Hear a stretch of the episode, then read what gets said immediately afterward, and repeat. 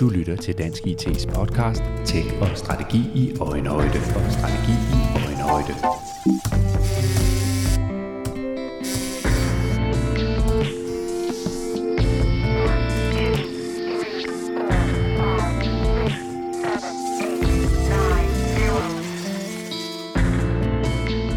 Det danske sundhedsvæsen er under forandring. Nye teknologiske muligheder opstår i takt med den digitale udvikling, og især brugen af data og kunstig intelligens rummer et betydeligt potentiale for at styrke sundhedsvæsenet og den helt essentielle forskning, innovation og udvikling. Det er ikke mindst afgørende, at vi griber de digitale muligheder, når vi befinder os i en tid, hvor sundhedsvæsenet generelt er under pres, og hvor samfundsudviklingen gør, at der er et stigende behov for at innovere og transformere måden, sundhedsvæsenet bliver drevet og udviklet på.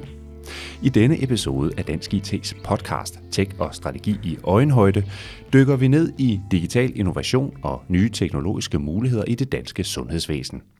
Vi taler blandt andet om potentialet i en øget brug af data og i kunstig intelligens, og samtidig kommer det også til at handle om, hvorfor tillid og transparens er to afgørende fundamenter på den digitale rejse. De to gæster i denne podcast-episode er Rasmus Mølvang, lægefaglig vicedirektør og hjertelæge, og fra 1. januar øverste direktør på Rigshospitalet. Og så er det Troels Andersen, formand for udvalget for sundheds-IT i Dansk IT og managing consultant i PA Consulting. Vi lægger ud med at høre Rasmus Mølvang beskrive, hvilken rolle brugen af data og digitalisering spiller på Rigshospitalet. Altså man kan sige sådan helt grundlæggende, så mener jeg jo, at øh, Rigshospitalet skal sikre, at øh, alle borgere har øh, den bedste mulighed for udredning og behandling, uanset hvor de bor i landet. Og der mener jeg, at brugen af data er helt afgørende for det. Øh, det vil både gøre, at vi kan efterkomme vores patienter, vores borgere og vores pårørendes behov, at vi kan håndtere nogle af de udfordringer, vi står overfor, og at vi i virkeligheden kan følge med den udvikling, der er øh, både herhjemme, men i den grad også, der er i øh, samfundet og i, i verden omkring os. Tak til det. Øh, tak for det, øh, Rasmus Mølvang, læge, faglig vicedirektør og hjertelæge på Rigshospitalet, og fra 1. januar øverste direktør på Rigshospitalet. Og så har vi også besøg af Troels Andersen. Du er formand for udvalget for sundheds-IT i Dansk IT, og så er du til daglig managing consultant i, uh, i PA Consulting. Uh, og Troels, kan du ikke prøve at beskrive, hvad er det for et potentiale, du ser os og udvalget for sundheds-IT ser i at anvende digitalisering og data i højere grad i, øh, i sundhedssektoren i Danmark? Jo, jeg kunne egentlig godt tænke mig at øh, starte et andet sted og sige, at det er jo blevet en uomgængelig del af øh, diagnostik og behandling i, i sundhedsvæsenet, ikke bare i Danmark, men i hele verden.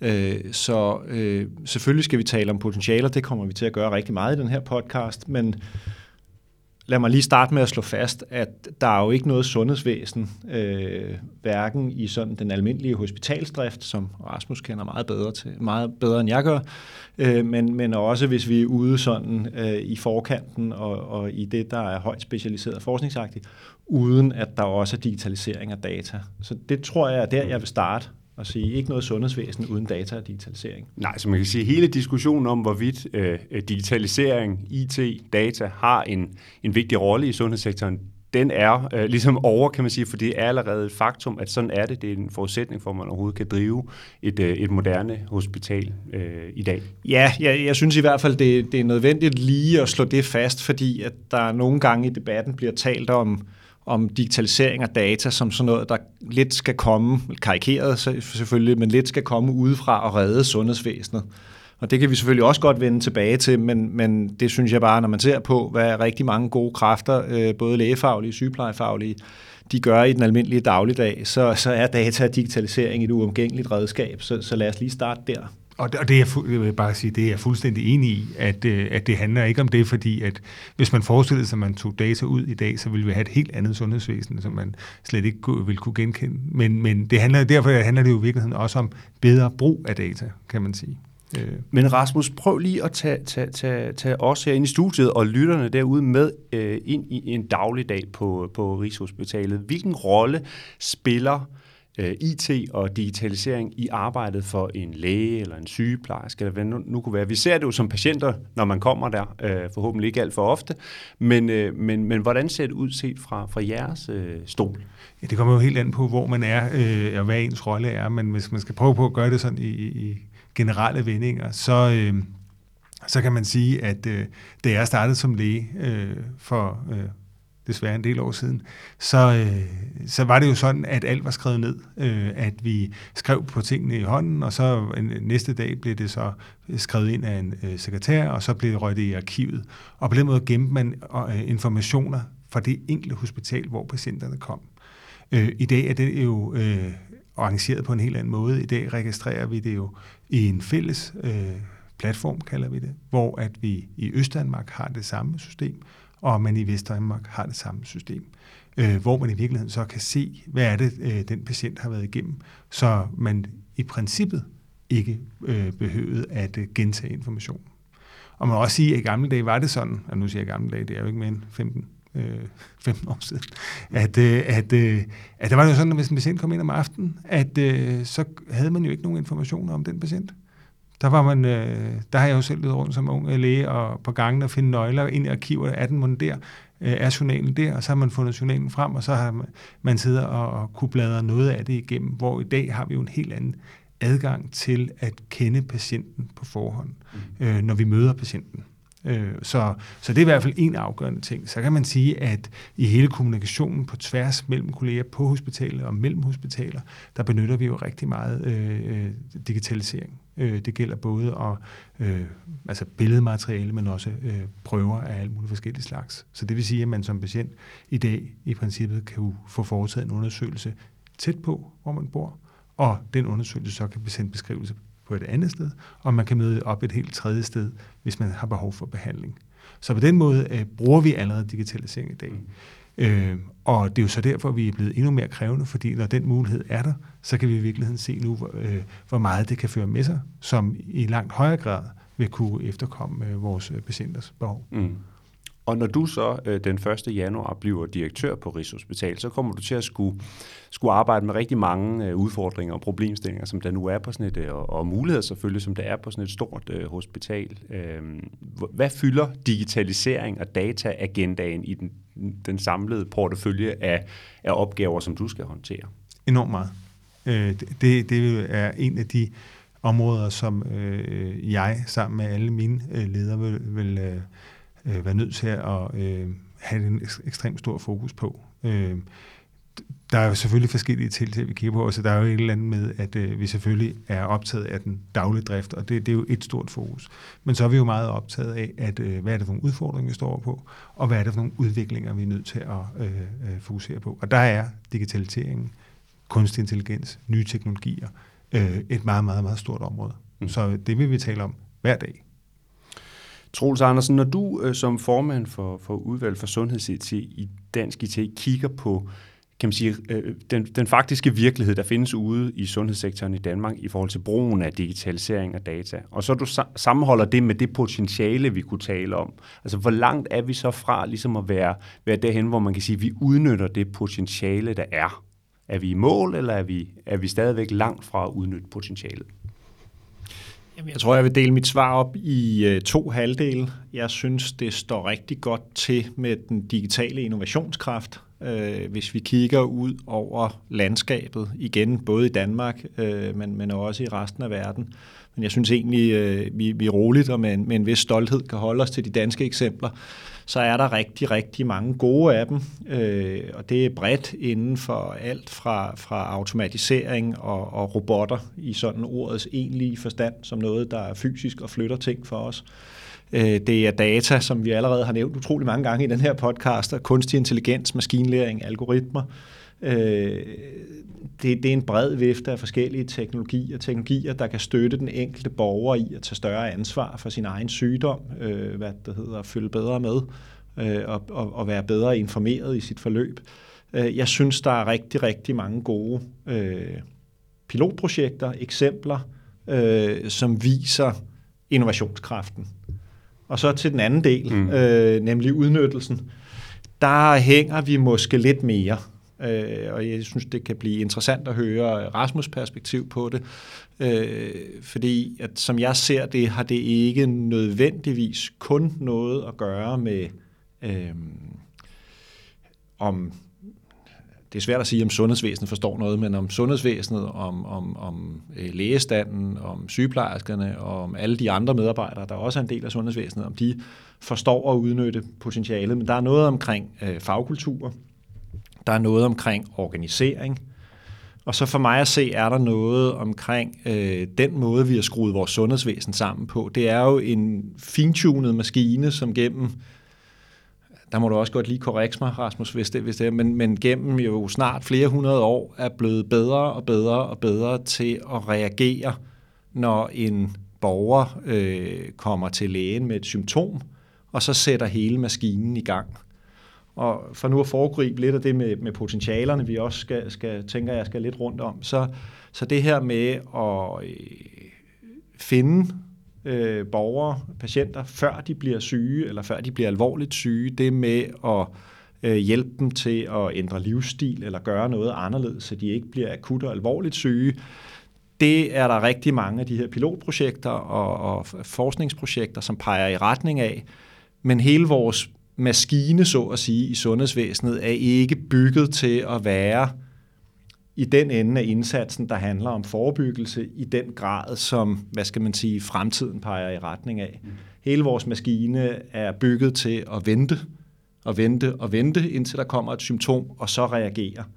Og det er hele vores finansiering af sundhedsvæsenet også bygget op om. Så min, min påstand, og det er sådan lidt spændt på Rasmus' øh, replik på, min påstand er, at vi er indlejret i, i sådan en kultur og øh, hvad det hedder, godt videnskabeligt forankret, og i den økonomimodel og operationsmodel, vi har for sundhedsvæsenet, øh, ikke er ordentligt gearet til i virkeligheden at udnytte de potentialer, som alle egentlig godt kan se, mm. og, og som de fleste egentlig også tænker, det er den vej, vi skal gode øh, pointer og, øh, og overvejelser her, Rasmus. Vi skal selvfølgelig høre dit, dit perspektiv på det. Hvad, hvad tænker du om det, Troels øh, siger her? Nå, men det, altså, det kan jeg da genkende. Der, der, der, der er noget helt klart rigtigt i, at, øh, og det tror jeg gælder i alle øh, store øh, systemer og store organisationer, at, øh, at, øh, at man nogle gange er mere reaktiv end proaktiv. Øh, og Øh, Øh, det gode, kan man så sige, det er, at jeg synes, vi er i en situation nu, hvor at, øh, at, at vi har behov for at være reaktive. Og det kan måske være det, der så i virkeligheden, at vi har den brændende platform, eller den perfekte storm, om man vil. Fordi at vi kan kigge ind i allerede på den korte bane, så står vi over for nogle udfordringer, som, som er vanskelige at løse. Og det så i virkeligheden kan være det, der driver, at vi er nødt til at tænke stort og udfolde potentialet. Jeg oplever ikke i virkeligheden den træhed, du måske beskriver i forhold til kulturen på hospitalet, eller på vores samarbejdende hospitaler, der oplever jeg faktisk, at der er en meget stor villighed til at, øh, at, at, at gribe de muligheder, der er. Og, øh, og jeg, jeg tænker i virkeligheden også, at hvis man kigger tilbage bare sådan de sidste 20 år, så kan jeg jo selv se, at patientforløbene er jo, har været under øh, en utrolig udvikling. Så det, det er jo i virkeligheden, i virkeligheden synes jeg, at, at sundhedsvæsenet har været enormt omstillingsparat, og vi har jo ændret levetiden ret drastisk på kort tid for mange patienter, og vi har i dag ikke kun én behandling til én sygdom, men vi har faktisk et væld af behandlinger til den øh, enkelte patient. Så jeg synes egentlig, at, at systemet, eller vil jeg sige, hospitalerne, sundhedsvæsenet, har, har, øh, har været igennem en stor udvikling. Men jeg vil give dig fuldstændig ret i, at, at når man skal lave store ændringer, så, så, så kan det tit blive trukket så langt til, at, at problemet skal næsten være startet, før vi går i gang med at løse det. Øh, og det ved jeg ikke, om vi kan ændre på. Det kan vi drøfte en mm. gang. Jeg tror, det er lidt sådan, at man skal lave store prioriteringer, at, at, at, at der skal noget til. Men det gode, hvis man skal se det på den måde, det er, det, der mener jeg så også, at vi er nu. Hvis vi kigger ind i de prognoser, vi har lavet for Rigshospitalet og for Region Hovedstaden, øh, så kan vi se, at allerede i 2030, så skal vi øh, sådan i grovtal behandle 10 procent flere, hvis vi gør, som vi gør i dag. Altså 10% flere operationer, 10% flere sengedage. Og så er det klart, at det er forskelligt, hvad det er for nogle sygdomme og specialer. Øh, nogle kommer helt op i nærheden af 20%. Og hvis man samtidig overfor det forholder sig til, at vi har en mindre gruppe demografisk at rekruttere fra, så er det helt øh, åbenbart, at vi inden for den korte øh, bane øh, skal begynde at gøre tingene anderledes, end vi gør i dag. Og det er jo derfor, vi har så stort fokus på, at vi er nødt til at øh, ikke bare digitalisere og bruge de muligheder, der er med teknologien, men også øh, at øh, bevæge os fra at forebygge de sygdomme, vi i virkeligheden behandler i dag. Mm. Så, så man kan i virkeligheden sige, at det vi er i gang med at identificere her, det er nogle kerneudfordringer, der ligger i vores øh, samfund generelt med demografi, som du er inde på her, og det at der skal behandles endnu flere mennesker, og vi har færre ressourcer til rådighed. Og så taler vi lidt, vi skraber lidt i overfladen af de her potentialer nu. Så, så mit spørgsmål til jer her vil, vil jo i virkeligheden være, hvad er det så, der er behov for, der bliver Øh, kommer mere i fokus i de kommende år? For du taler lidt, der er nogle pilotprojekter i gang, der sker ting, der er en innovationskraft i gang, og du fortæller, Rasmus, at, at lysten er der også, og viljen er der også. Det er ikke sådan, at folk sidder med armene over kors og siger, at det vil, det vil vi ikke være med til. Men hvad er det så, der er behov for, hvis vi skal løfte os på den øh, digitale agenda? Jamen, øh, altså, der, der, er, der er flere ting, der er behov for. Øh, og øh, man kan sige sådan helt generelt, så handler det om, at øh, den måde, vi øh, vi går til nye teknologier på. Det er i virkeligheden det mindset, vi allerede har med, øh, at der er respekt om den enkelte patients øh, øh, sikkerhed, at der er transparent system, at der er tillid til det, at vi i virkeligheden fastholder det modus, som vi er så godt vant til. Og så den anden del, det er at øh, gøre noget for, at processerne i virkeligheden er kortere. Fordi at jeg oplever faktisk, at vi har rigtig, rigtig mange medarbejdere, der rigtig, rigtig gerne vil i gang med det her, men at de bliver udfordret med meget langtrukne processer, og derved så kræver det altså en enorm stålsæt vilje for at, at øh, være med til at drive øh, øh, den udvikling, der er.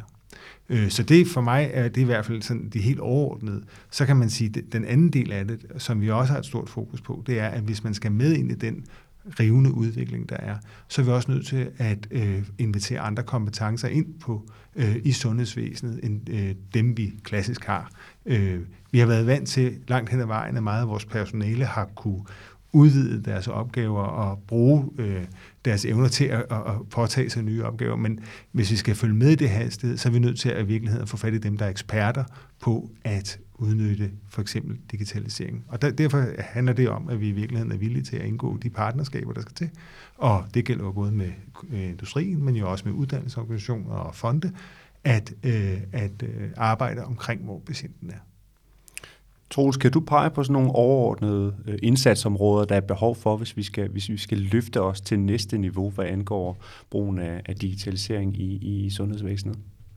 Ja, jeg tror i virkeligheden, at nogle af de ting, som, som Rasmus også nævner, og nu, nu er det jo lige præcis dagen i dag, hvor at der er blevet præsenteret en ny regering, øh, meget øh, apropos, fordi at noget af det, der står i det forholdsvis omfattende regeringsgrundlag, det handler om en sundhedsfond, som skal, øh, sådan som jeg lige har fortolket de, tror to og en halv, tre linjer, der står om den, skal bruges til at investere i grundlæggende omstilling af sundhedsvæsenet. Og der kan man jo komme med et fromt ønske herfra om, at der også så tænkes digitalisering og data ind, ikke for dets egen skyld, men som en del af en, en bredere tænkning omkring innovation og omstilling. Der står også i den sammenhæng noget om en strukturkommission, og der står noget om, øh, hvad det hedder, at sikre, øh, at man bruger de specialiserede kompetencer. Det kan jo sådan set både være sygeplejefaglige og lægefaglige på det, de er bedst til. Øh, og der kommer vi tilbage til nogle af potentialerne, fordi alt, hvad der kan understøtte en automatisering eller en opgaveflytning, sådan så der, det, der ikke er strengt nødvendigt, at det bliver løst af for eksempel en sygeplejerske, at man kan flytte det til andre personalegrupper. Det ser jeg da som et sted, hvor at, at, at uden at det bliver sådan super højteknologisk, så vil det være en kæmpe gevinst i hverdagen på mange mm. afdelinger. Og Rasmus, jeg, nu kan jeg bare huske et eksempel, som jeg har læst om flere gange. Det er blandt andet, at man på Rigshospitalet opererer med kunstig intelligens i forhold til behandling af, af kraft, uh, screening-billeder af, af, af forskellige kraftsygdomme, brystkræft tror jeg hvis nok det er, som sådan et supplement til, til speciallægernes uh, vurdering af, om der er behov for at skride ind med noget behandling, eller om der er en kraftsygdom. Øh, men kan du prøve sådan ligesom at tale videre ud af den vej? Altså, hvad er det for et potentiale, der ligger i eksempelvis kunstig intelligens i det moderne sundhedsvæsen? Ja, det kan jeg godt. Altså lige med hensyn til det, du tænker på, det er en automatiseret beskrivelse af øh, brystkræft øh, screening, øh, som ikke bare er Rigshospitalet, men i virkeligheden af alle øh, hospitalerne i Region Hovedstaden, som benytter sig af. Øh, og, og det er jo bare et lille område, og der er også mange andre områder, hvor man benytter kunstig intelligens til for eksempel, at hvis patienten har fået lavet en øh, CT-scanning, at så kan man lave en MR-scanning og omvendt ud fra den samme undersøgelse i virkeligheden med kunstig intelligens, frem for at patienten skal udsættes for undersøgelsen øh, og eventuelt stråling, der ligger i det.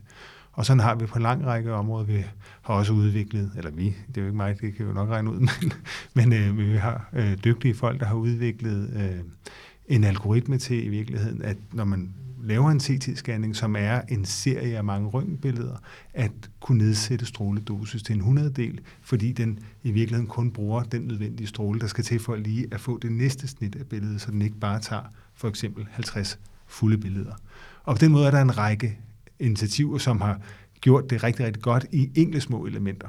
Så det, det er den ene del af i virkeligheden, man kan lave nedslag, særligt på billedområdet, men også på en lang række andre elementer, hvor vi, vi kan bruge øh, kunstig intelligens. Der hvor at jeg nu også ser potentiale, det er jo virkelig, når vi begynder at sætte alt det sammen i forhold til det samlede patientforløb. At det i virkeligheden bliver en langt mere integreret del i den måde, øh, patienterne møder sundhedsvæsenet på.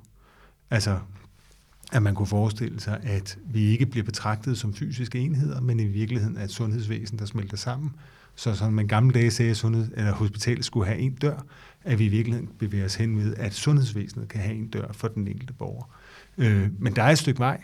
Øh, så tilbage til det med potentiale. Potentiale ud, øh, udvikler sig over tid. Så det er jo potentialet set i dag. Øh, det bliver kun større og større, som tiden går. Mm.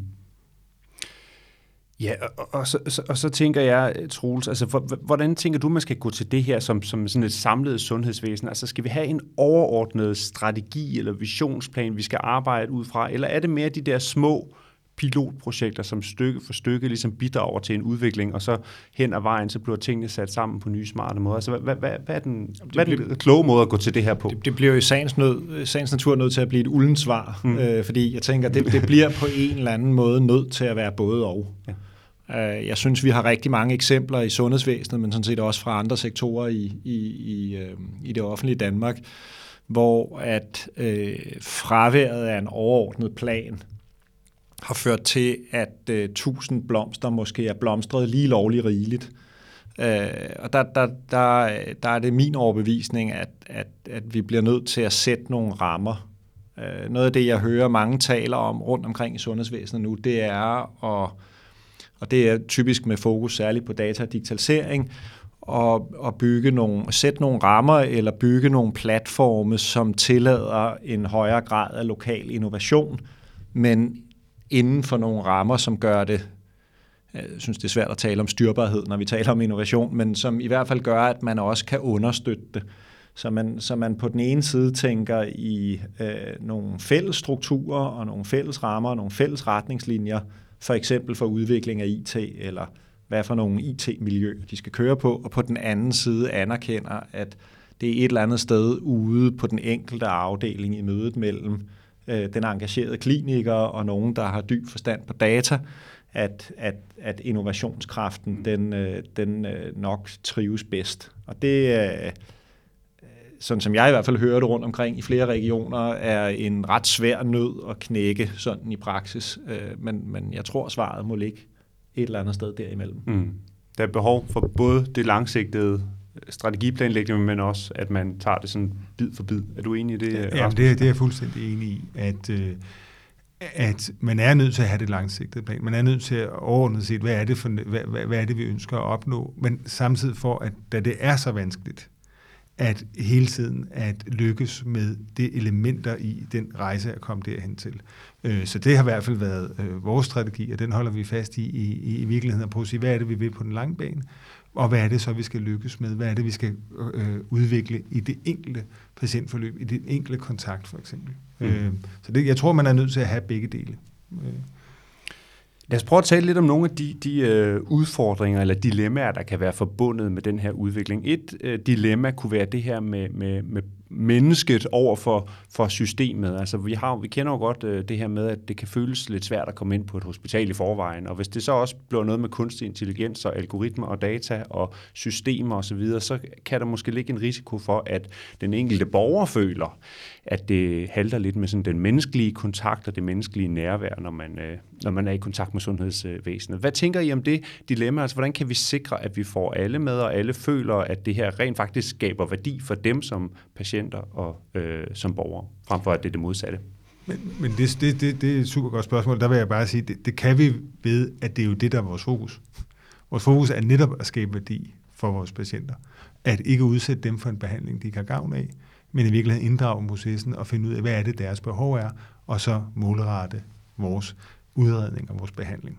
Så, så, så længe det er fokus, så, så, så tænker jeg også, at vi lykkes med at, at virkelig at, at sørge for, at, at, det, at, det, at det er sikret. Øh, men du har ret i det her med, at, at, at der kommer en masse udfordringer i kraft med, at der kommer øh, flere og flere tilbud. Så vil der også være øh, nogen, der nemmere kan benytte tilbud, og andre, der ikke kan. Øh, og det, det er jo det, vi er meget optaget af. I virkeligheden kan man sige, i at finde ud af, at vi har meget forskellige patienter. Vi har patienter, der er det, man kalder hyperkompetente, som har læst alt, ved alt kan, og har opsøgt viden og kommer målrettet. Og så har vi patienter, der slet ikke har det. Og i virkeligheden, øh, hvis vi overhovedet får kontakten, så ligger det over til os at prøve på i virkeligheden at finde ud af, hvordan hjælper vi bedst dem. Der, der er hele spektret, det tror jeg sådan set altid, der vil være, og vi skal som sundhedsvæsenet kunne fagne øh, alle vores patienter. Så den udfordring ændrer sig ikke, øh, men den bliver heller ikke nemmere. Men, men jeg, jeg tænker også, at i, i det, du siger, ligger der ligesom noget, noget, noget indboet i spørgsmålet, fordi at man skal også ligesom på en eller anden måde differentiere, hvad det er, vi taler om.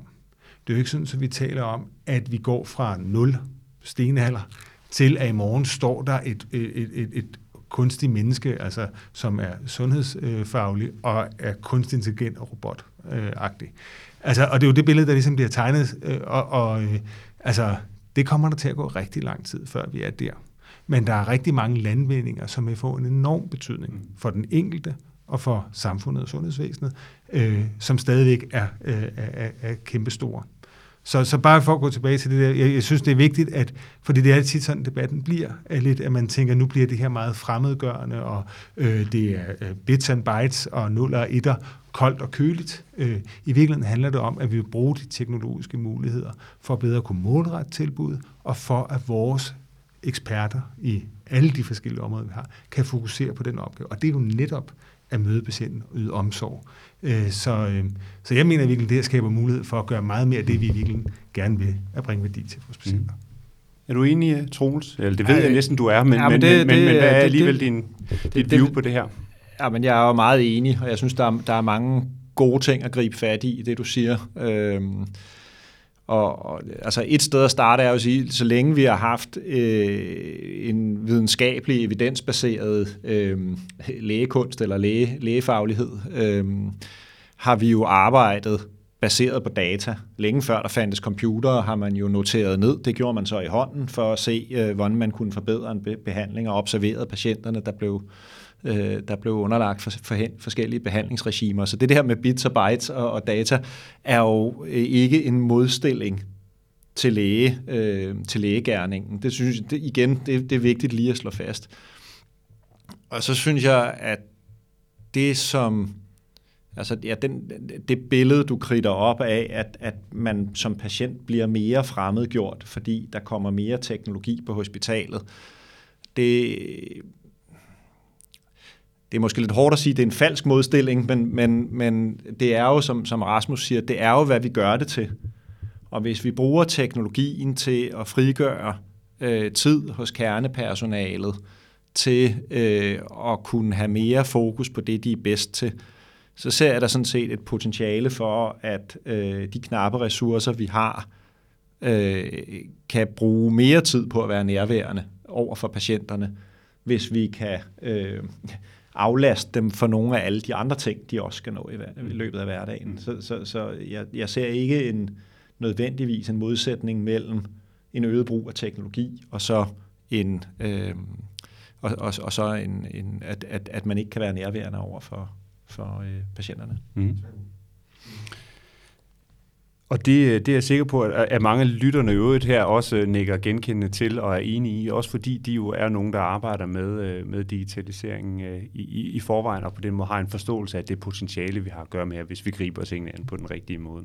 Lad os lige prøve at hive fat på, på en anden, øh, både en mulighed, men også et dilemma. Det kunne være det her med brugen af, af data øh, til, til at forudsige, øh, hvilke øh, borgere, der er behov for et ekstra fokus på, så vi kan undgå, at de øh, når at blive alvorligt syge, før sundhedsvæsenet kommer ind og, og hjælper dem. Altså det var lidt tilbage til det, du i virkeligheden talte om i starten, Troels, med, altså vi har jo været vant til, at vi gik til lægen, når vi havde ondt, et eller andet sted, hvor vi, vi måske i højere grad bevæger os over i noget, hvor vi på forhånd kan sige, at der er nogen, der kommer til at blive syge, eller er ved at udvikle en, en sygdom. Men i det ligger vel også nogle, nogle etiske overvejelser, nogle overvejelser omkring, hvad gør det ved os som mennesker, hvis vi begynder at få sådan en profilering af hver enkelt øh, borger, og det, det liv, man har udsigt til med de sygdomme, der også kan ligge i det. Rasmus?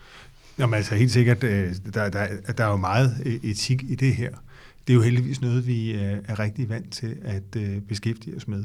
Øh, fordi at øh, etikken handler jo om i virkeligheden at gøre brug af de muligheder, der er på det tidspunkt, hvor at det er rigtigt at gøre brug af det. Og man kan sige, hvis man går tilbage og tænker på kunstig befrugtning, så var det, hvis, for, for en del år siden, så var det et stort dilemma. I dag ser øh, befolkningen generelt anderledes på det.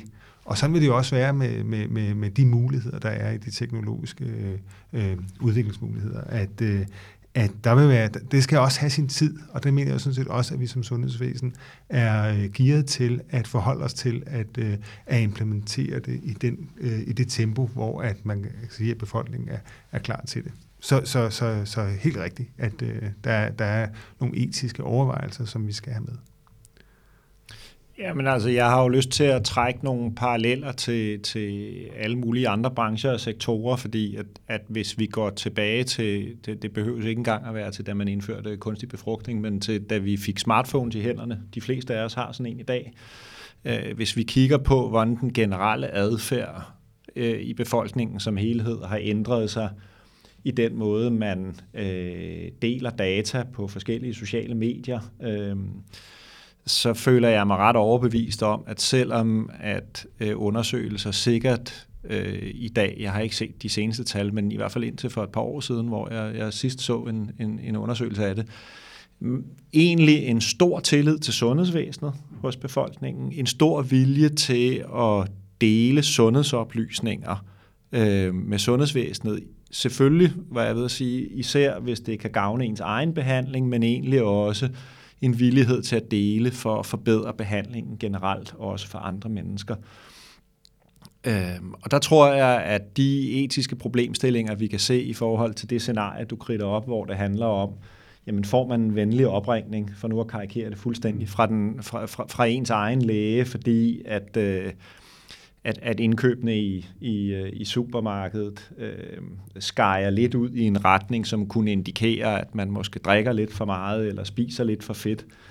Øh, det kan jo virke som et voldsomt scenarie, men jeg, jeg tror egentlig ikke, det er så langt væk fra at være bygget ind i apps, som rigtig mange øh, mennesker øh, helt frivilligt vil downloade. Mm og som de vil se som en naturlig støtte øh, og, og, og hjælp i hverdagen.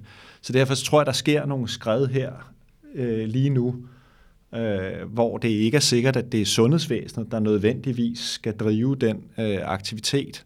Øh, men det er en etisk overvejelse, om det burde være sundhedsvæsenet, eller om vi er glade og tilfredse med, at det er globale virksomheder, som giver det i hænderne på borgerne. Så jeg mm. synes, altså, den er i virkeligheden multidimensionel. Ja, for vi, for vi gør det allerede, eller mange af os gør det allerede. Ja, i eller er godt på vej. Ja. Jamen, jeg er fuldstændig enig, at der kan man sige, der synes jeg jo svaret er meget enkelt. Jeg, jeg, jeg vil jo være langt mest tryg ved, at øh, det var sundhedsvæsenet, der drev den udvikling. Og det er også derfor, jeg synes, det er så vigtigt, at vi, at vi har det fokus. Fordi at jeg, at vi, jeg mener, vi, vi er jo sat i verden for i virkeligheden at være vores patienters advokater, og sikre sig i virkeligheden, at vi netop, at etikken følger med. Øh, og, øh, og man kan jo sige, at der er jo rigtig mange ting, vi gør, som, altså vi, den her udvikling kommer til at ske, uanset om vi ved det eller ej. Øh, fordi at der er et behov. Øh, det der er spørgsmålet, det er jo i virkeligheden, at behovet kommer til at tage udgangspunkt i, hvad der er den enkelte patient, der er til gavn for den enkelte patient, og også at det kommer til at gælde alle vores borgere og patienter. Og det er jo det aspekt, som jeg mener, det er, det er derfor, det er vigtigt, at vi som mm. sundhedsvæsen og som driftshospital øh, i virkeligheden tager øh, lead på det og, og tilbage til det andet, du sagde, det var det her med, at, øh, hvad vores mindset er i potentialet. Altså det her med, at det kan være skræmmende at gå over til forebyggelse. Jeg vil sige, generelt er min øh, forståelse af samfundet, at vi lige nu, så, så, så er, vi, er der meget stort fokus på vores klima, altså den her bæredygtighedsdagsorden, i at, øh, at det går ikke, at vi bliver ved, hvis vi ikke øh, sår mere, end vi høster. Men det er der også blevet en forståelse i forhold til vores medarbejdere, at vi er nødt til at at tænke mere regenerativt, end vi gør, fordi ellers kommer det ikke til at holde sammen, og vores medarbejdere vil ikke være med til det. Og på fuldstændig samme måde i forhold til behandling øh, i sundhedsvæsenet, at vi er nødt til at have et perspektiv, der hedder, at det er altså mere hensigtsmæssigt at forebygge, end at behandle. Så, så sådan, sådan værdimæssigt synes jeg sådan set, at det hænger rigtig godt sammen. Og så kan du sige, jamen er det så øh, øh, hvad skal man sige, uetisk at, øh, at tage fat i de patienter, som kan have gavn af, at man forebygger behandlingen tidligere. Øh, det er det ikke, tænker jeg, at, øh, i forhold til, hvis vi taler om noget, der for eksempel er dødeligt. Det er der, vi er i dag. Så hvis vi ved lige pludselig, at her kan vi faktisk forhindre tidlig død, der tror jeg, at en stor del af befolkningen vil sige, at det synes vi sådan set var en, var en god idé. Og så er det, jeg mener, effekten af det, der tror jeg, at vi som befolkning vil blive rykket med tiden i, hvad vi egentlig gerne vil have at vide. Og det er den rejse, jeg, jeg, jeg i virkeligheden tænker, at, at der er godt, at vi som samfund og som sundhedsvæsen er med på. Jeg tænker rigtig meget, at det her handler vel om måden, man i tale sætter det på og kommunikerer det på i forhold til borgerne, altså så man skaber tryghed og tillid i, i den bevægelse, som der nu er i gang. Øhm, og, og der kunne jeg godt tænke mig at høre jer lidt, fordi at nogle gange, når man ser det sådan lidt udefra, så det man hører om IT i, i, i sundhedsvæsenet, det er noget med noget EPJ, der ikke rigtig virker, eller det er noget med et cyberangreb, eller det er sådan negativt lavet historier. Hvordan kan sundhedsvæsenet så blive bedre til ligesom at fortælle de gode historier, de positive historier om øh, alt det gode, der egentlig ligger i den digitale udvikling, eksempelvis at vi kan blive bedre til at, at hjælpe patienterne med at undgå at blive alvorligt syge, og vi kan blive bedre til at behandle dem. Ja. Jamen, øh, jeg har lyst til at trække den lige en tand op fra sundhedsvæsenet og tale om... om øh, Den øh, generelle IT-udfordring her. Ja, eller, eller øh, i virkeligheden kaste mig øh, ud i at tale lidt om politik. Øh, fordi du spurgte også tidligere, hvad er det for nogle tiltag, der skal til? Og jeg synes generelt, når vi taler om digitalisering i samfundet, nu har der hen over sommeren været en stor debat omkring digital inklusion, som jo absolut ikke kun handler om sundhedsvæsenet, men jo generelt handler om, hvordan kan man være øh, en samfundsborger i Danmark, hvis man ikke lige er så digitalt mindet. Øh, og der øh, er det min oplevelse, at vi som samfund, og det, der peger pilen måske lidt mod de politiske institutioner, ikke har været så gode til at tale om, har vi egentlig brug for en samfundskontrakt her? Nu bruger jeg sådan et, et, et meget stort ord men, men øh, noget, der sætter rammerne omkring den tillid, som jeg nævnte før, der egentlig grundlæggende er mellem borgerne og sundhedsvæsenet, men som jo godt kunne gælde alle mulige andre steder. Hvad er, hvad er vilkårene for, at vi bruger øh, den enkelte borgers data, øh, og hvad er det, vi øh, som samfund øh, lover til gengæld? Og det at, at få den drøftelse eller debat op på bordet og være ærlig omkring den, øh, i, i, i hvad det hedder, kommunikationen mellem øh, de politikere, der leder vores land og vores sundhedsvæsen, og så øh, befolkningen. Det, øh, det har man måske forsømt lidt hidtil. Fordi det er en svær diskussion? Eller det er da en svær det, diskussion, ja. øh, det er klart. Øh, men, men den fylder jo mere og mere, og så kan man sige, at den har jo snedet sig ind alligevel, og og, og vi har fået GDPR, og vi har fået en lang række andre, øh, også juridiske håndtag, som gør, at, at, øh, at, at, at, at man er blevet meget mere moden i at ja, i virkeligheden blive tvunget ud af busken mm. til at tale mm. om det. Mm. Øh, og det tror jeg er nødvendigt, men i stedet for, at man prøver at, at lege lidt skjul på det, så bliver man nødt til at, at sige, jamen, det er en nødvendig del af det, og det er også, altså Rasmus ganske god eksempel, det er en, det er en del af rejsen, mod en forebyggelse, som egentlig er øh, til stor glæde for den enkelte, men også til gavn for samfundet. Og så kan vi begynde at diskutere, hvem er det, der skal drive det, hvem skal forebygge, hvem skal samle data ind, og, og på hvilke vilkår og sådan. Men, men der er et eller andet der.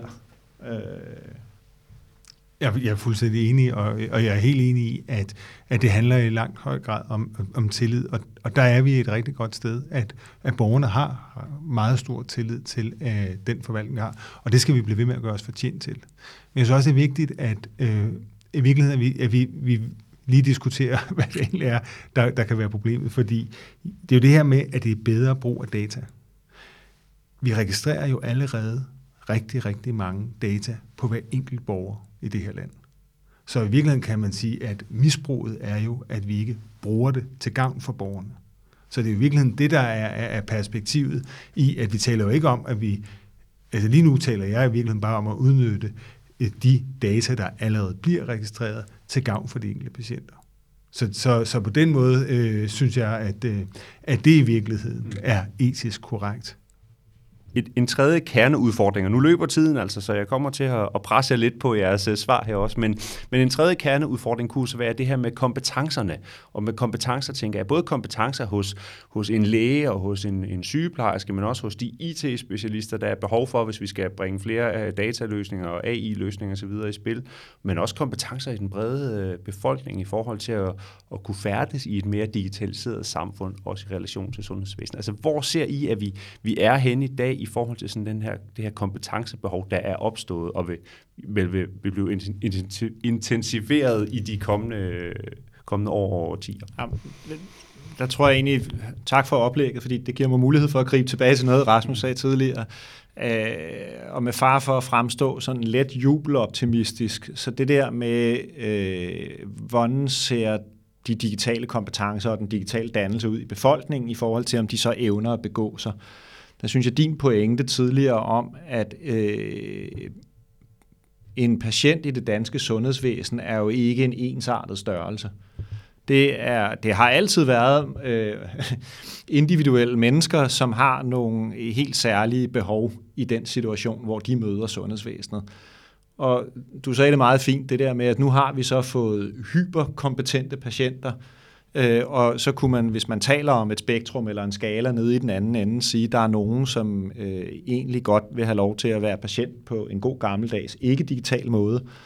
Øh, og der ser jeg det egentlig sådan, at de digitale værktøjer, vi får i hænderne, giver os nogle muligheder for at give et lang, en langt mere personaliseret, øh, tror jeg, man siger med et fint ord, mm. øh, et, et langt mere skræddersyet personaliseret, øh, nogen taler om personlig medicin, men, men tilbud til den enkelte patient, hvor nogen skal have det, og så kan vi diskutere, øh, hvor meget det skal være et godt gammeldags analogt tilbud, men i virkeligheden, at de digitale værktøjer giver os mulighed for at differentiere behandlingstilbudene, sådan så nogen kan få det øh, som hjemmemonitorering og digitalt understøttet og med videokonsultationer og øh, hvad det hedder, kan tage vare på sig selv i langt højere grad, end vi ser i dag og det kan frigøre nogle ressourcer, der gør, at vi omvendt kan tilbyde nogle andre noget. Så jeg ser det igen ikke sådan, at, at hvad det hedder, vi nødvendigvis, hvis vi ved det, behøves at tabe nogen på gulvet. Mm. Så der er plads til alle borgersegmenter her med alle forskellige forudsætninger. Men hvad med internt i hospitalsvæsenet, Rasmus? Har I kompetencerne til at kunne, kunne udnytte de digitale muligheder, der opstår? Eller hvad er der behov for af kompetencer, kunne jeg også spørge? Jeg vil sige det sådan, fordi altså, jeg synes jo allerede, at vi, at vi øh, i, i stor udstrækning, øh, så, så er der jo rigtig meget personale, der allerede prøver på at, at gribe de her muligheder og arbejde med dem. Men der er ingen tvivl om, at hvis vi skal sætte mere fart på det, så er vi nødt til at få andre kompetencer ind på hospitalet. Øh, altså, og det er jo selvfølgelig hele øh, den te- de teknologiske øh, kompetencer, data scientists og ingeniører, men jo virkelig også filosofi, for vi har været omkring det med, med, med, øh, med etikken i det, og der er også i forhold til øh, øh det juridiske og i øh, måden i, i virkeligheden at formulere og nå ud til øh, vores øh, patienter, så de forstår potentialet. Så, så, så det er der ingen tvivl om, og det var det, jeg prøvede at sige tidligere med, at, vi, at der er vi nødt til at have et fokus på, hvordan vi i virkeligheden skaber øh, de øh, partnerskaber på hospitalerne. Men den anden del, øh, som øh, Troels, øh, du talte ind i, det var det her med, om det skaber en større diversitet for vores patienter. Og den diversitet har altid været der på en eller anden måde. Men det er klart, at jo flere tilbud, der kommer, så bliver diversiteten større. Det er vi vant til at håndtere øh, i sundhedsvæsenet med hensyn til, når patienterne møder op på hospitalet, så er det jo der, vi i virkeligheden prøver på at målrette øh, de øh, ydelser og de tilbud, der er ved at tale med vores patienter. Men det er lidt sent i forløbet at starte, øh, og der er jo et potentiale i, at hvis vi bedre kender vores patienter, inden at de kommer ud fra deres data, ud fra deres sygdomme og deres øh, øh hvad den er, adfærd, så er der jo i virkeligheden en måde at gribe nogle af de patienter, som man det, øh, Troels beskriver, som de mere gammeldags analoge patienter, øh, fordi så kan vi målrette det. Mm. Så, så øh, jeg mener i virkeligheden netop, at, at de her teknologiske muligheder gør, at vi bedre kan sørge for at målrette tilbudene, og på den måde skal større lighed i sundhed. Der er ingen tvivl om, at der er mange øh, muligheder og potentialer, og at det er en spændende tid, vi er i gang med, og, og som kommer til at præge vores øh, samfund i, i, i de kommende år øh, og årtier. Men vi skal til at runde af nu. Øh, Troels øh, Andersen, formand for udvalg for sundheds-IT i Dansk IT, og Rasmus Mølvang, øh, lægefaglig vicedirektør hjertelæge på Rigshospitalet, og lige om lidt også, øh, også direktør for, for hele butikken. Øh, lad os lige prøve at slutte af med at tage visionsbrillerne på. For hvis I nu Ja, jeg skulle til at sige, hvis I kunne bestemme, og det kan du jo sådan set, øh, Rasmus, men, men du har jo ikke nødvendigvis øh, alverdens øh, ressourcer til, til rådighed. Men jeg kunne godt tænke mig at høre, jeg vil sige, tage visionsbrillerne på. Hvad er det så for et sundhedsvæsen, I drømmer om og håber på, der kan blive skabt i fremtiden med digitaliseringen og databrugen som, som, en, som en vigtig del af det? Altså, hvad ser du for dig, Troels, hvis det, hvis det skal være rigtig godt, hvis det, vi skal have det optimale ud af det?